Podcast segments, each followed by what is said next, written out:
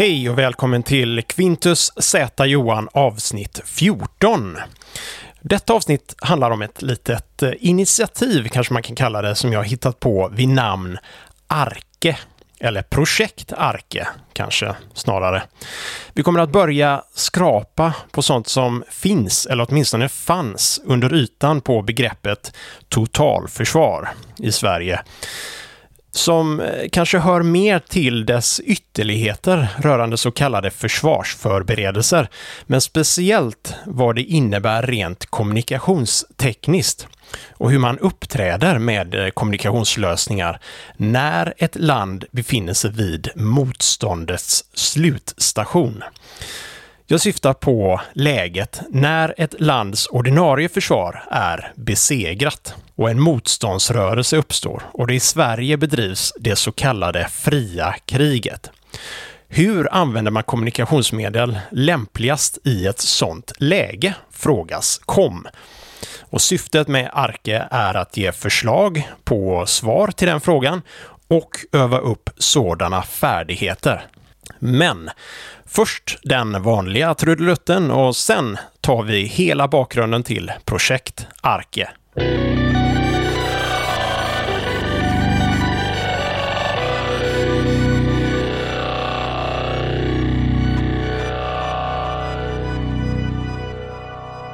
Ge fan aldrig upp. Okej, okay, jag kunde inte låta bli att göra lite reklam där för rekyl.org med tanke på ämnet i detta avsnittet och eh, citatet, och jag citerar. Om Sverige blir angripet av ett annat land kommer vi aldrig ge upp.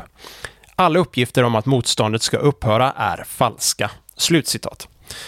Så står det på sidan 12 i broschyren Om krisen eller kriget kommer, utgiven av MSB, Myndigheten för samhällsskydd och beredskap från 2018. Eh, alltså inte myndigheten då, utan broschyren kommer från 2018. Så den är ju ganska färsk då. På just den sidan är det inte klart vad, eh, ja, citat, eh, motståndet, slutcitat, syftar på rent eh, konkret. Man förstår ju att det först och främst handlar om den totalförsvarsplikt som broschyren tar upp ett par sidor tidigare. Men om sin egen militära försvarsmakt och det pliktade civila försvaret är besegrat och inkräktaren redan tagit över större delen av landet. Vilket motstånd syftar man på då? Frågas kom. Alltså avsikten kvarstår ju. Avsikten att vi ska aldrig ge upp. Den schweiziska majoren Hans von Dach funderade i ungefär samma banor. Så följande går att läsa i inledningen till hans bok Der totale Widerstand Eine Kleinkriegsanleitung für jedermann. Och eh, originalet kommer från 1957. Det har väl kommit några olika upplagor av den. Men han skrev den först och publicerade den 1957. Så jag citerar. Det kan antas att ifall det utbryter krig så kommer stora områden, om inte hela vårt territorium, alltså Schweiz då, att vara tillfälligt förlorat till fienden. Militären kan till stora delar vara neutraliserad även om större styrkor kommer kunna fortsätta strida under längre tid i alpområdena. Däremot kommer majoriteten av militären och befolkningen att överleva kampanjen. Så nu till frågan. Ska dessa överlevare bli lojala undersåtar till de nya härskarna och vänta på räddning och befrielse utifrån? Eller bör kampen fortsätta på ett nytt sätt med alla tillgängliga medel? Frågas kom. Slutcitat där också. Och bokens titel är ordagrant Totalt motstånd, en gerillakrigföringsmanual för alla. Och den finns översatt från originalspråket tyska till engelska med titeln Total Resistance. Och den går att köpa från Adlibris och Bokus och ja, Amazon och alla de där ställena då. Major Hans von Dach skrev, alltså på 50-talet, en bok om gerillakrigföring och hur man upprättar en civil motståndsrörelse när nationens totalförsvar har besegrats. Även om boken aldrig ingick i den officiella eh, officerslitteraturen, eller vad man ska kalla den, den officiella armélitteraturen, eller försvarsstabslitteraturen eller vad man säger då. Ja, det, kanske då på grund av kritik att den förespråkade metoder som eventuellt då bröt mot krigets lagar. Så talar i alla fall den schweiziska underofficersföreningens centralkommitté sig varm för boken. Så följande ett citat ur förordet till den engelska översättningen av eh, densamma. Jag citerar. Vi tror att det är bättre att göra motstånd in i det sista. Vi tror att varje schweizisk kvinna och man måste göra motstånd. Vi tror att fienden inte kan tillåtas känna sig lugn under ens en minut i erövrat territorium. Vi tror att vi måste skada honom, bekämpa honom, var vi än har möjlighet. Genom att uttrycka oss på detta sätt har vi tydligt och uttryckligen angett syftet med denna bok. Slutcitat. För att sätta en lite svensk prägel på detta så vill jag citera ett uttalande som ÖB general Mikael Budén gjorde i en intervju till TT om jag för mig då. Jag citerar. Om vi av någon anledning skulle stå ensam som land så lovar jag att Försvarsmakten kommer att göra allt vi kan ned till sista man eller kvinna som står med vapen i hand. Slutcitat. Även om en medlem i en organiserad motståndsrörelse räknas som en legitim kombatant enligt totalförsvarets folkrättsförordning så är det mig veteligen inget man officiellt försökt eh, förebyggande organisera, förutom möjligen den så kallade Stay Behind-rörelsen i Alvar Lindenkronas regi. Och det är ett helt annat uppslag vi får ta en annan gång. Och bara för att nämna lite runt det så har jag skrivit ett eh, blogginlägg, eller två faktiskt, på patreon.com för er patroner. Alltså, ni måste bli patron för att kunna läsa det då, det är bara till för patroner. Så jag har gjort lite reklam där också. Men det blogginlägget tar upp då det vi osökt kommer in på i, i det här sammanhanget rörande motståndsrörelser. Det är en lag vi har i Sverige som kallas för kårlagen, eller mer, eh, mer korrekt då, olovlig kårverksamhet. Och eh, jag har läst en, eh, om man googlar lite på det här så kommer man direkt in på lite, lite konstigheter som nämns på internet då från diverse eh, bloggar och annat. Framförallt från en, eh, en science fiction-författare som har lite konstig attityd rörande detta då. Och det är väldigt miss många missuppfattningar, så jag behöver bara nämna det i det här sammanhanget. Att det kanske fanns två parallella Stay Behind-rörelser. Den ena var legitim, Alva Lindenkronas, alltså det kan inte bli mer legitimt än så. Det var hela vägen upp till regeringen där. Alltså Tage Erlander var, var med och godkände den där organisationen. Och i kårlagen, i den här lagen om olovlig kårverksamhet, så står det att man får inte skapa en beväpnad motståndsrörelse om man inte har vederbörligt tillstånd. Och naturligtvis hade ju Lindenkrona vederbörligt tillstånd från både Säkerhetspolisen och andra myndigheter för just den här verksamheten. Sen att verksamheten är hemlig, det är en annan sak, så du kommer inte hitta några, några officiella, icke hemligstämplade dokument som, som ger det tillståndet. Men ja, ni kan ju tänka lite själva där då. Medans eh, vi har en annan karaktär här då, nazisten, Eh, eller ja, eh, Finlands frivillig. Han var frivillig i, eh, han var Finlands frivillig och eh, slogs i eh, vinterkriget, eller fortsättningskriget tror jag det var. Men tillika nazist då, Otto Hallberg jag tror att han hette Otto Hallberg. Jag har inte nämnt det i mina, min, eh, mina anteckningar här. Jag drar det här lite utanför manus. Men Otto Hallberg i alla fall hade en, eh, startade upp en egen Stay Behind-rörelse. Och det har ingenting med CIA Stay, Stay Behind-rörelse alls att göra. För det var Lindenkronas eh, eh, då Stay Behind-rörelse som Säpo och så vidare hade kontakt med CIA den vägen. Eller NATO framförallt. Men Otto Hallberg då hade en organisation med 1200 personer, något sånt där, i den motståndsrörelsen. Och han försökte sälja in den idén till Försvarsmakten, att de skulle ja, sanktionera eller eh, ta till sig den verksamheten, eh, inkorporera den i Försvarsmakten eller de andra myndigheterna, alltså Säkerhetspolisen och polisen och så vidare. Men Försvarsmakten sa ja tack, men nej tack. Sedan därefter, eh, någon tid därefter då, så åtalades Otto Hallberg för just brott mot olovlig kårverksamhet. För han hade ju inte vederbörligt tillstånd att ha en sån organisation med väpnad, en väpnad motståndsrörelse.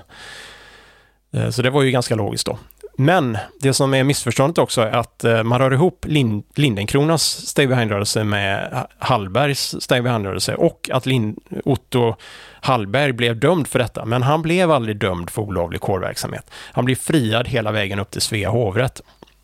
Och faktum är att ingen har blivit dömd för olovlig kårverksamhet sedan 30-talet i Sverige. Eh, så vitt jag vet i alla fall. Man har försökt eh, dra i den lagen många gånger, speciellt eh, rörande de här nynazistiska kårverksamhetsaktiga organisationerna. Då. Utan att nämna några vid namn. Då. Och det är därför den här lagen kom till. För man ville liksom inte ha brunskjortor i Sverige. Sådär. Eh, inte varken brunskjortor eller kommunistiska eh, organisationer då, som bildade säkerhets... Eh, Polis, polisförband mer eller mindre för att skydda politiken. Alltså, ja, I Tyskland när det begav sig så hade vi brunskjortorna på ena sidan och så var det kommunisterna på den andra. Och eh, ja, de började ju panga på varandra på öppen gata liksom. Det, det är ju lite olämpligt. Och därför kommer ju den här lagen till att eh, det kan vi inte tillåta. Men det står uttryckligen i lagen utan vederbörligt tillstånd. Så det finns, ingen, det finns ingenting som hindrar eh, oss eller Sverige, regeringen eller riksdagen eller en svensk myndighet att ge vederbörligt tillstånd till en motståndsrörelse att verka i krig då. Eller när vi blir ockuperade. Så jag vill bara säga det lite kort då. Vill ni läsa mer då så är det det blogginlägget som, eh, som det handlar om. Så det vi istället förespråkat är det så kallade fria kriget. Men det utkämpas av vår reguljära armé med eh, företrädesvis eh, okonventionella metoder och i små enheter. Kännetecknet för situationen man befinner sig i är precis som för eh, gerillakrigaren, citat då. Det finns inga fronter. Jag återkommer till varför frontlös verksamhet ändrar hur man bör uppträda med kommunikationsmedel och varför jag anser att vi bör öva på det. På sidan 65 under punkt 6.8 i Arméreglementet taktik från 2013 går det att läsa följande om fria kriget. Jag citerar. Avskurna förband som inte har kontakt med högre chef och inte kan lösa sin ordinarie uppgift övergår till det fria kriget. Den tidigare inledda striden på motståndarens djup fortsätter. Alla förband som lämnas kvar i områden som behärskas av motståndaren skall kunna störa hans verksamhet. Striden genomförs i mindre enheter, i regel grupp och pluton. Samhällets resurser utnyttjas eh, varvid hänsyn tas till civilbefolkningens försörjning. Resurser tas om möjligt från motståndaren. Striden förs så att egna förluster minimeras. Vid val av mål måste hänsyn tas till risken för repressalier mot civilbefolkningen. Risken för upptäckt och behovet av områden att gömma sig i kan bli styrande för stridens förande. Större städer, tätortsbebyggelse, betäckta och starkt kuperade områden är särskilt lämpade för fria kriget. I öppen terräng måste vår ambition vara begränsad. Lång uthållighet och överlevnad prioriteras. Striden förs så att eh, motståndaren överraskas och ständigt känner sig hotad. Stridstekniken varieras okonventionella metoder utnyttjas. Intensiteten i striden varieras genom samordning till tid, rum och målval. Sen är det en lista där med mål som jag utesluter bara för att hålla lite kortare här då. Strävan ska vara att återfå kontakt med eget förband. Enheter som inte kan få det ska söka kontakt med andra förband för att kunna inordnas i deras strid eller samordna ett fortsatt fria krig. Under fria kriget är det särskilt viktigt att enheter på alla nivåer tillser att folkrätten efterlevs. Slut citat. Det är alltså nämns om det fria kriget i arméreglementet taktik. Det känns ju lite tunt, speciellt när scenariot definitivt inte kan ses som osannolikt när lilla landet som kunde, återigen, potentiellt kan komma att möta en kvalificerad potentiell motståndare som historiskt varit mer eller mindre överlägsen. Detta är också allt jag kan hitta om eh, fria kriget, förutom en kort beskrivning i Handbok Armé och eventuellt en publikation från 1944 vid namn Anvisningar för fria kriget. Och den kan jag inte hitta och inte kunnat läsa något ur den. Jag vet inte hur många sidor den har heller då. Bloggaren Jägarchefen har publicerat en intressant artikel i ämnet och jag lägger länken i beskrivningen som vanligt då. Och där han eller hon skriver följande, jag citerar. En mer omfattande beskrivning samt anvisning avseende det så kallade fria kriget bör tas fram. Slutcitat. Jägarchefen tar upp att det är totalt fem sidor i litteraturen som nämner fria kriget. De nationer som idag tillämpar, eh, på ett ungefär i alla fall, det vi i Sverige kommit att kalla totalförsvar, är så vitt jag känner till Sverige, Finland, Danmark, Norge, Schweiz, Ukraina, Ryssland och Taiwan. Så även en eh, Wikipedia-artikel om Total Defense nämner dessa länder. Så Schweiz har, liksom Sverige, allmän värnplikt som idag även innefattar civil totalförsvarsplikt. Vi anser oss dessutom vara så kallade neutrala länder. Det finns alltså relevanta likheter mellan Schweiz och Sverige i det jag kommer att berätta och argumentera för om du lyssnar vidare. Då. Om vi har fria kriget som sista motstånd, varför har vi då bara fem sidor som försöker anvisa kring detta? Hans von Dach såg nog samma behov i Schweiz och skrev en bok om det på 173 sidor. Och det är alltså antalet sidor i den engelska översättningen Total Resistance. Jag vet inte hur många det är i den tyska, men det är ju troligtvis ett antal fler än fem i alla fall. Så det som våra fem sidor om det fria kriget inte alls tar upp är den kompletterande sidan, den civila motståndsrörelsen. Hans von Dach delar upp boken i två delar, två samverkande områden. Den stridande gerillan, jag försöker lära mig uttala det korrekt då, min fru påpekar ju det lite ofta. Men det är alltså från Spanien, eh, där ordet är från början, det är inte från Latinamerika, så det, det har med Spanien att göra. Vi kan ta eh, historien en annan gång då. Men det är två samverkande områden. Den stridande gerillan, på svenska då, och den ej direkt stridande civila motståndsrörelsen. Boken gör tydligt att det är två samverkande sidor och han tydliggör dessutom hur samverkan ska gå, ska gå till och ske på ett djupare plan än vår svenska idé om totalförsvar gör gällande. Nu hade givetvis Hans en helt annan frihet än vad en stat kanske har i hur den förhåller sig till eh, lagar och så vidare. Boken har ändå flitigt använts av bland annat högerextremister, men framförallt vänsterextremister faktiskt, för att planera och utföra terrordåd. Så boken hittades eh, hos de här eh, grupperna då, Röda arméfraktionerna och så vidare. Och såldes av eh, vänsterextremister. Eh, tiden det begav sig under kalla kriget. Där. Gerillan, eller ger, Gerjan, Ja, okej, okay. jag lär mig aldrig det där ordet eh, korrekt om, men ja, grillan på svenska. Som naturligtvis fördelaktigast eh, utgörs av soldater, poliser och liknande med större kompetens i hur man nedkämpar en fiende. Organiserar sig i mer säkra områden, gömda i fördelaktig terräng. Ungefär som jägarförband skulle man kunna säga. Man håller eller tar naturligtvis inga terrängavsnitt. Det kännetecknar all egentlig gerillakrigföring och man flyttar förläggning med jämna eller ojämna mellanrum. Så styrkans storlek anser Hans vara som störst av bataljons storlek. Nu kan jag inte hur en typisk schweizisk eh, skyttebataljon är uppbyggd, men eh, det verkar vara av eh, det mindre antalet eftersom Hans refererar till att en pluton är mellan 20 och 25 soldater. Alltså inte uppåt 50 som vissa nationer har då. Så det verkar likna hur hur vi, hur en svensk skyttepluton ser ut då. Så jag tänker mig väl att en svensk bataljon av storlek där är det som Hans von Dach syftar på. Så de får i sin tur hjälp av eh, den civila motståndsrörelsen rörande förplägnad, alltså mat då, och annat. Eh, utrustning, kläder, eventuella vapen, alltså civila vapen, jaktgevär och allt annat som kan tänkas vara, vara bra att ha för just att göra motstånd. Ammunition där till givetvis. Drivmedel om man då lyckas hålla sig med fordon. Och det beror ju på helt klart. Eh, man kanske behöver hålla sig väldigt gömd eh, för fienden och då är fordon inte aktuellt. Så det här är mer eh, infanteriaktigt kan man säga. Det är små förband med alltså små lätta förband med lätt utrustning. Då, så fordon kanske inte.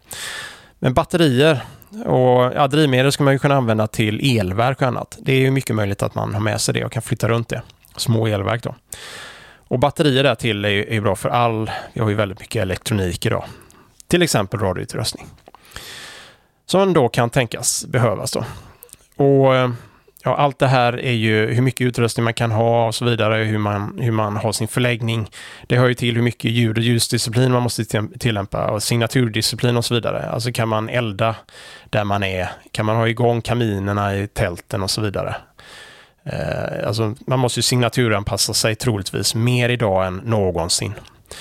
Så författaren tar naturligtvis upp alla de måsten som måste falla på plats för att en lyckad grilla och civil motståndsrörelse ska fungera. Och boken innehåller många ritningar, alltså skisser och andra illustrationer hur sabotage, störstrid och minering och en massa annat eh, ska gå till. Så det är, det är ganska detaljerat där ändå. Så naturligtvis är det lätt att förstå att de frivilliga försvarsorganisationerna i Sverige skulle bidra till gerillan på liknande sätt här. Dessvärre kommer en ockupationsmakt förr eller senare ha alla uppgifter om vilka som är medlemmar i de frivilliga försvarsorganisationerna. Så det var ju lite synd då. Så det gör ju det omöjligt i många fall att verka utan att bokstavligt talat dra till skogs för att ansluta sig till gerillan. Eller i Sverige då så är det ju soldaterna i skogen som bedriver det fria kriget, inklusive hemvärnet. Hans von Dach menar att alla som hotas att eh, fängslas, avrättas, deporteras och så vidare som har färdigheter från något som motsvarar en svensk frivillig försvarsorganisation skall dra ut i skogen med gerillan och inte tillhöra den civila motståndsrörelsen. Boken gör det tydligt att man ska förbereda sig på och veta var man inom citationstecken hör hemma innan ockupationen är ett faktum. Den civila motståndsrörelsen är alltså inte direkt vad våra svenska frivilliga försvarsorganisationer bidrar med eller vår idé om civilförsvar. Den är mycket mer djupgående in i det civila än det vi menar med totalförsvar. Alla från brevbärare, apotekare, sjuksköterskor, barntekniker, alltså tänker på järnväg här nu då, kassapersonal, och vatten och avloppstekniker, och elektriker, försäljare, servitriser med flera skulle kunna utgöra den här civila motståndsrörelsen.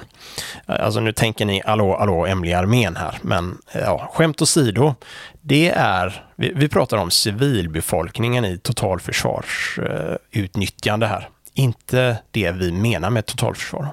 Så i detta hänseende kommer vi mer in på vad vi förberedde inom Tages och Alvars Stay Behind-organisation egentligen då, även om, ja, kanske inte då. Totalt motstånd är kanske en tidskapsel från kalla kriget med lite stort fokus på betydelsen av järnvägen och telefonledningar i luften än vad som säkert är aktuellt i Schweiz idag, men långt ifrån passé. Tvärtom. Anpassat till modern teknik är det övergripande konceptet mycket tillämpbart fortfarande. Och som en liten passus där då kan nämnas att i det här Patreon-blogginlägget som jag tar upp, eh, olovlig kårverksamhet och så vidare. Där eh, citerar jag en artikel skriven av Rand Corporation, eller publicerad av Rand Corporation. Där de tar upp ett, eh, ett förslag då på hur man lämpligast kan försvara de baltiska staterna idag. Och då syftar de på, eller argumenterar för, den schweiziska approachen eller det schweiziska tillvägagångssättet. Och det de tar upp i den artikeln, det är helt, allting är totalt hämtat ur Totalt motstånd av Hans von Dach. Så det är hela hans koncept i stort sett då. Och man får ju göra modern anpassning av det, men eh, konceptet som sådant är ju högst aktuellt. Och det är inte bara jag som tycker det då, utan det tycker ju tydligen Rand Corporation också idag. Speciellt rörande vår region. Alltså det är ju vår region, baltstaterna, så att eh, det är ju på hemmaplan. Hans von Dach betonar vikten av att undvika onödig radiokommunikation och istället fokusera på kurirer som sambandsmedel. Även om man kan gömma sig lättare i bruset idag så är detta högst aktuellt nu. Det nämns naturligtvis inget om eh, hur man kan kamouflera sin radiosändning eller eh, vilka våglängder och vågtyper som är mer eller mindre lätta att pejla. Jag tycker däremot att han lägger fram ett bra förslag att vara restriktiv med radiokommunikation, men anser förstås att finns kompetensen där så kan man utnyttja radio i större utsträckning. Den radiokommunikation som förespråkas är mot Grillabataljonens, om man nu kan kalla det då, eventuella högre chef och det skulle kunna vara Försvarsmakten som är grupperade långt borta från, eh, från ockuperat område då, till exempel. Det som som återstår då. Eller en exilregering eller allierad nation. Kortvåg nämns förstås inte, men med tanke på avstånden så förstår en signalist att det handlar om kortvågskommunikation. Att kortvåg är svårare att pejla, det nämns inte, men jag skulle gissa att Hans von Dach i förbifarten fått höra att eh, denna typ av längre kommunikation är mer lämplig i ett eh, eller i en elektromagnetiskt omstridd miljö. Alltså en miljö där det eh, förekommer en hel del telekrig. Fast eh, vänta nu, är inte avsikten att hela det svenska civilsamhället ska stå upp och bidra till motståndet? Jo, åtminstone om man får tro följande ord från sidan 9 i broschyren Om krisen eller kriget kommer från 2018. Jag citerar. Alla har en skyldighet att bidra och alla behövs. Slutcitat. Vi saknar bara manualen för hur detta bidrag ska se ut och gå till rent praktiskt. Den förberedde överlever. Jag citerar. Om du är förberedd bidrar du till att hela landet bättre kommer att klara en svår påfrestning. Slutcitat. Och det är också från Om krisen eller kriget kommer, från sidan 3. Eh, publicerad av MSB 2018. I den grekiska mytologin var Arke dotter till Taumas och Elektra, samt syster till Iris.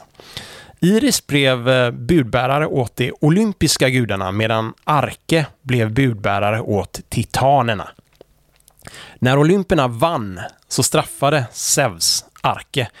Hon blev av med sina vingar och kastad i Tartaros, alltså helvetet då, tillsammans med titanerna. Nu kan kanske inte en signalist eller telegrafist jämföras med varken en budbärare eller en grekisk gudinna, men eh, syftet med titeln Projekt Arke det är att belysa risken med kommunikation i en miljö där man är omsluten av motståndaren. Speciellt om denna är kvalificerad i elektronisk krigföring.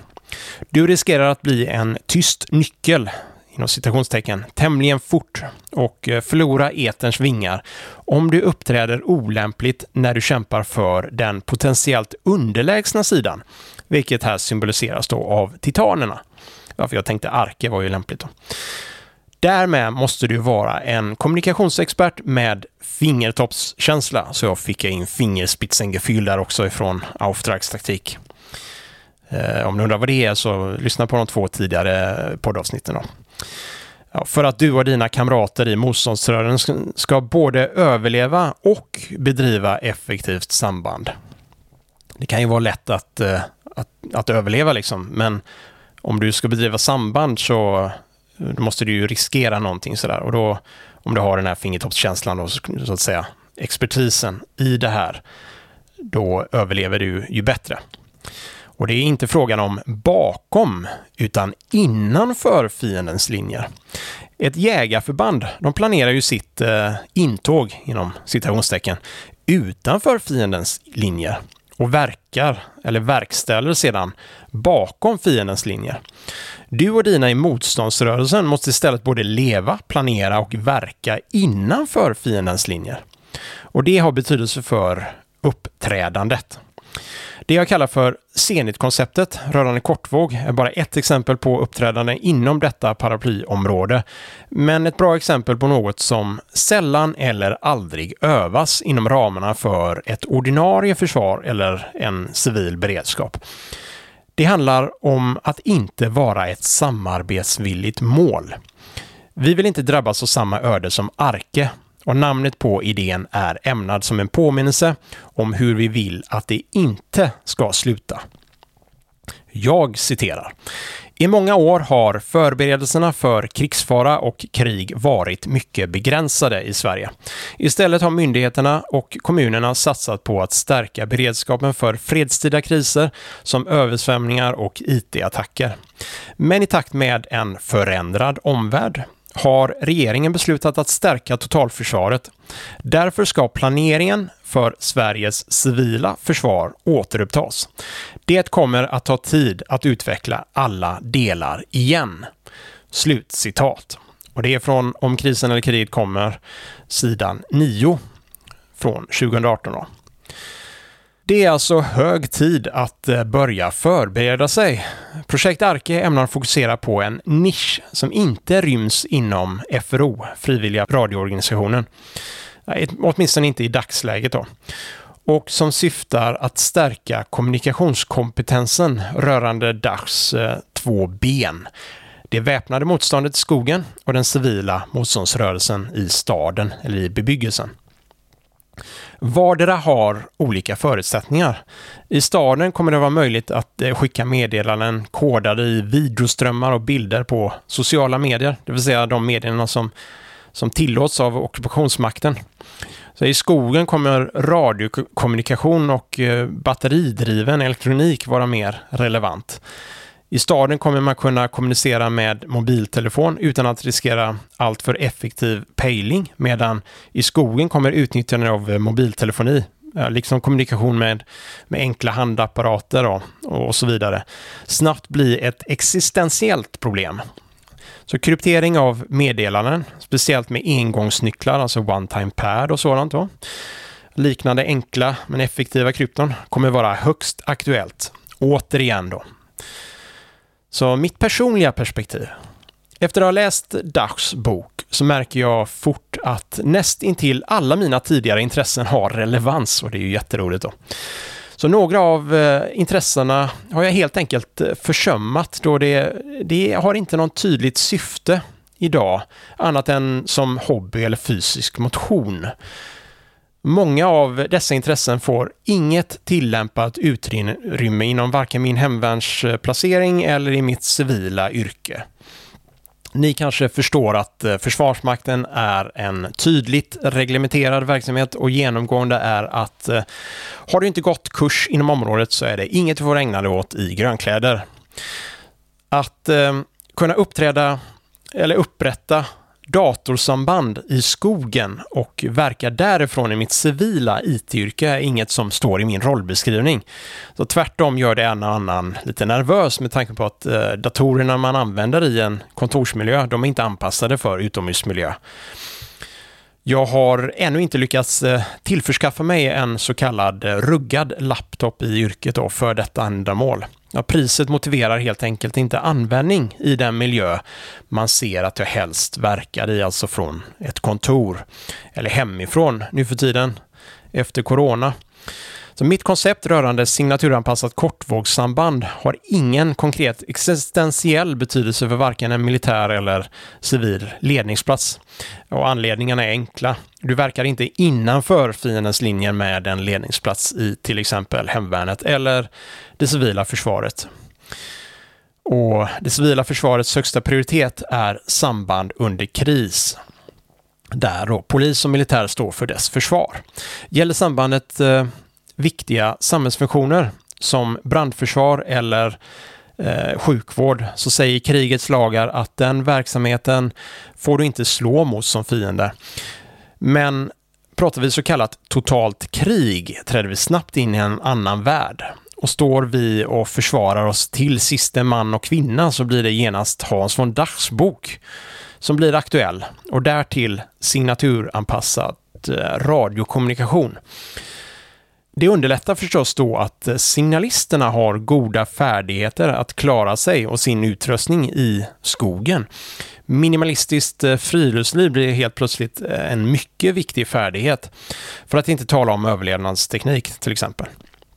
Det blir också viktigt att ha fysik nog att släppa runt på radio batterier och annan personlig utrustning när en sådan motståndsrörelse behöver vara mer rörlig i sitt uppträdande än vad liknande organisation behöver vara utanför fiendens linjer. Att en eh, gerilla inom citationstecken överlever bäst i mycket otillgänglig terräng. Är ingen nyhet.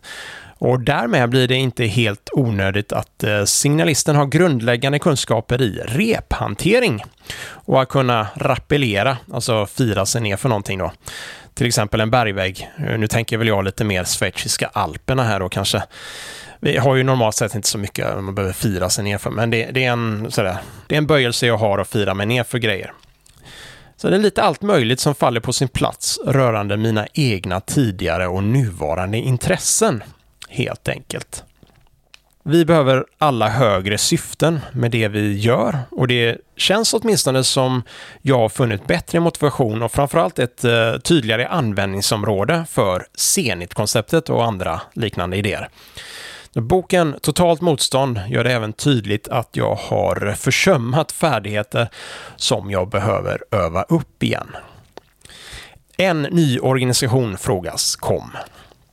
Jag har personligen mycket små möjligheter i form av tid eh, att dra igång en förening eller liknande runt Arke, det vill säga att syfte, eh, där syftet är då att utbilda och öva sambandsoperatörer i hemlig, inom citationstecken, kommunikation. Det man kallar för clandestine communication. Eh, att eh, utnyttjas när totalförsvaret är besegrat. Nu tänker ni kanske att det är rätt osannolikt att det ödet drabbar Sverige. Ja, det är ju säkert sant faktiskt. Men tänk om det drabbar något av våra grannländer. Till exempel kan jag ju nämna att jag eh, har chattat med en ukrainsk radiooperatör om just signaturanpassat kortvågssamband. Och nu är jag ju förstås inte säker på att det var en ukrainsk radiooperatör, det vet man ju aldrig på internet liksom. Men jag hoppas ju det att det inte var, inte var andra sidan, om ni förstår vad jag menar. Och det var ju bara en allmän diskussion sådär om lite vad jag menar och hur det där skulle se ut i terrängen och så vidare. Så det, det var ju, jag vet ju in, inte någonting om hur eller om de tillämpade det, eh, det jag berättar om där då. Så det har jag ingen aning om sådär. Men eh, jag vet ju att det fungerar, men jag har ju liksom ingen återkoppling sådär. Och alla kontakter är avbrutna där. Så om vi fortsätter här då, så under vinterkriget så bistod vi Finland med kompetens inom radiokommunikation och baltstaterna har i stort sett inte direkt haft god relation med sin granne österut. Så det behöver inte vara en omedelbar överhängande fara för just Sveriges del som motiverar att eh, finslipa kompetensen inom hemlig och signaturanpassad kommunikation. Sträcker man sig utanför våra gränser höjs åtminstone motivationsgraden. Så Arke skulle kunna bistå med eh, motstationer, både radio och via dold elektronisk kommunikation, samt bred kompetenshöjning av sambandsoperatörer som verkar inom det ockuperade landet. Först måste vi dock eh, skaffa kompetensen själva och jag ser genast vissa problem. Så mitt krav på att bilda en sån gruppering eller förening för att specifikt öva detta mot den verksamhet som hör till det fria kriget med sabotage och så vidare. Då, det är att samtliga medlemmar genomgår en säkerhetsprövning och det blir troligtvis då säkerhetsklass 3 som blir aktuellt. Eh, alltså det som vi i hemvärnet har och polisen har och ja, andra. Så tänk er om gruppens medlemmar blir extremt effektiva på att kommunicera dolt mellan olika tilltänkta alltså motståndsceller eller vad, vad det nu blir. Då. I vilken annan verksamhet är denna kompetens användbar? Tänk Encrochat fast med personer som faktiskt kan något om hemlig kommunikation. Det är inte riktigt önskvärt och raka motsatsen av vad vi vill uppnå. Vi behöver inte mer organiserad brottslighet och ännu fler bombdåd och likvideringar. Vi vill liksom inte stödja den verksamheten. Så den här föreningen får ju ha eh, ett visst eh, motstånd mot eh, infiltration då. Och därmed blir säkerhetsklass aktuellt. Och hur, hur kan man få till det då? Det har jag ingen aning om. Sådär. Och längre än så har jag inte tänkt då, förutom att eh, det blir mer motiverande att ge sig ut eh, på diverse exkursioner i skogen framöver då med det här som, som, mot bakgrund av detta kan man säga. Så jag undrar lite vad dina tankar kring motstånd inom ramen för vårt to totalförsvar och fria kriget och framförallt samband rörande ett fritt krig hos oss eller hos någon av våra grannländer. Vad, eh, vad skulle det innebära? Hur skulle det kunna te sig och eh, hur tänker du nu då? Och jag tänker, eh, vi pratar ju också om det här med olovlig kårverksamhet, så gå in och läs det här inlägget på patreon.com. För att bli det så måste du bli medlem och bli patron. Och det blir du på patreon.com outsender. Alltså Olof, Urban, Tore, Sigurd, Erik, Niklas, David, Erik, Rudolf. Outsender. Så det är utesändarens Patreon där och den är ju kopplad ihop med Kvintus Z Johan givetvis. Det var allt jag hade att erbjuda av detta avsnitt av Kvintus Z Johan. Tack för att du har lyssnat och ja, i vanlig ordning så säger jag slut. Klart slut.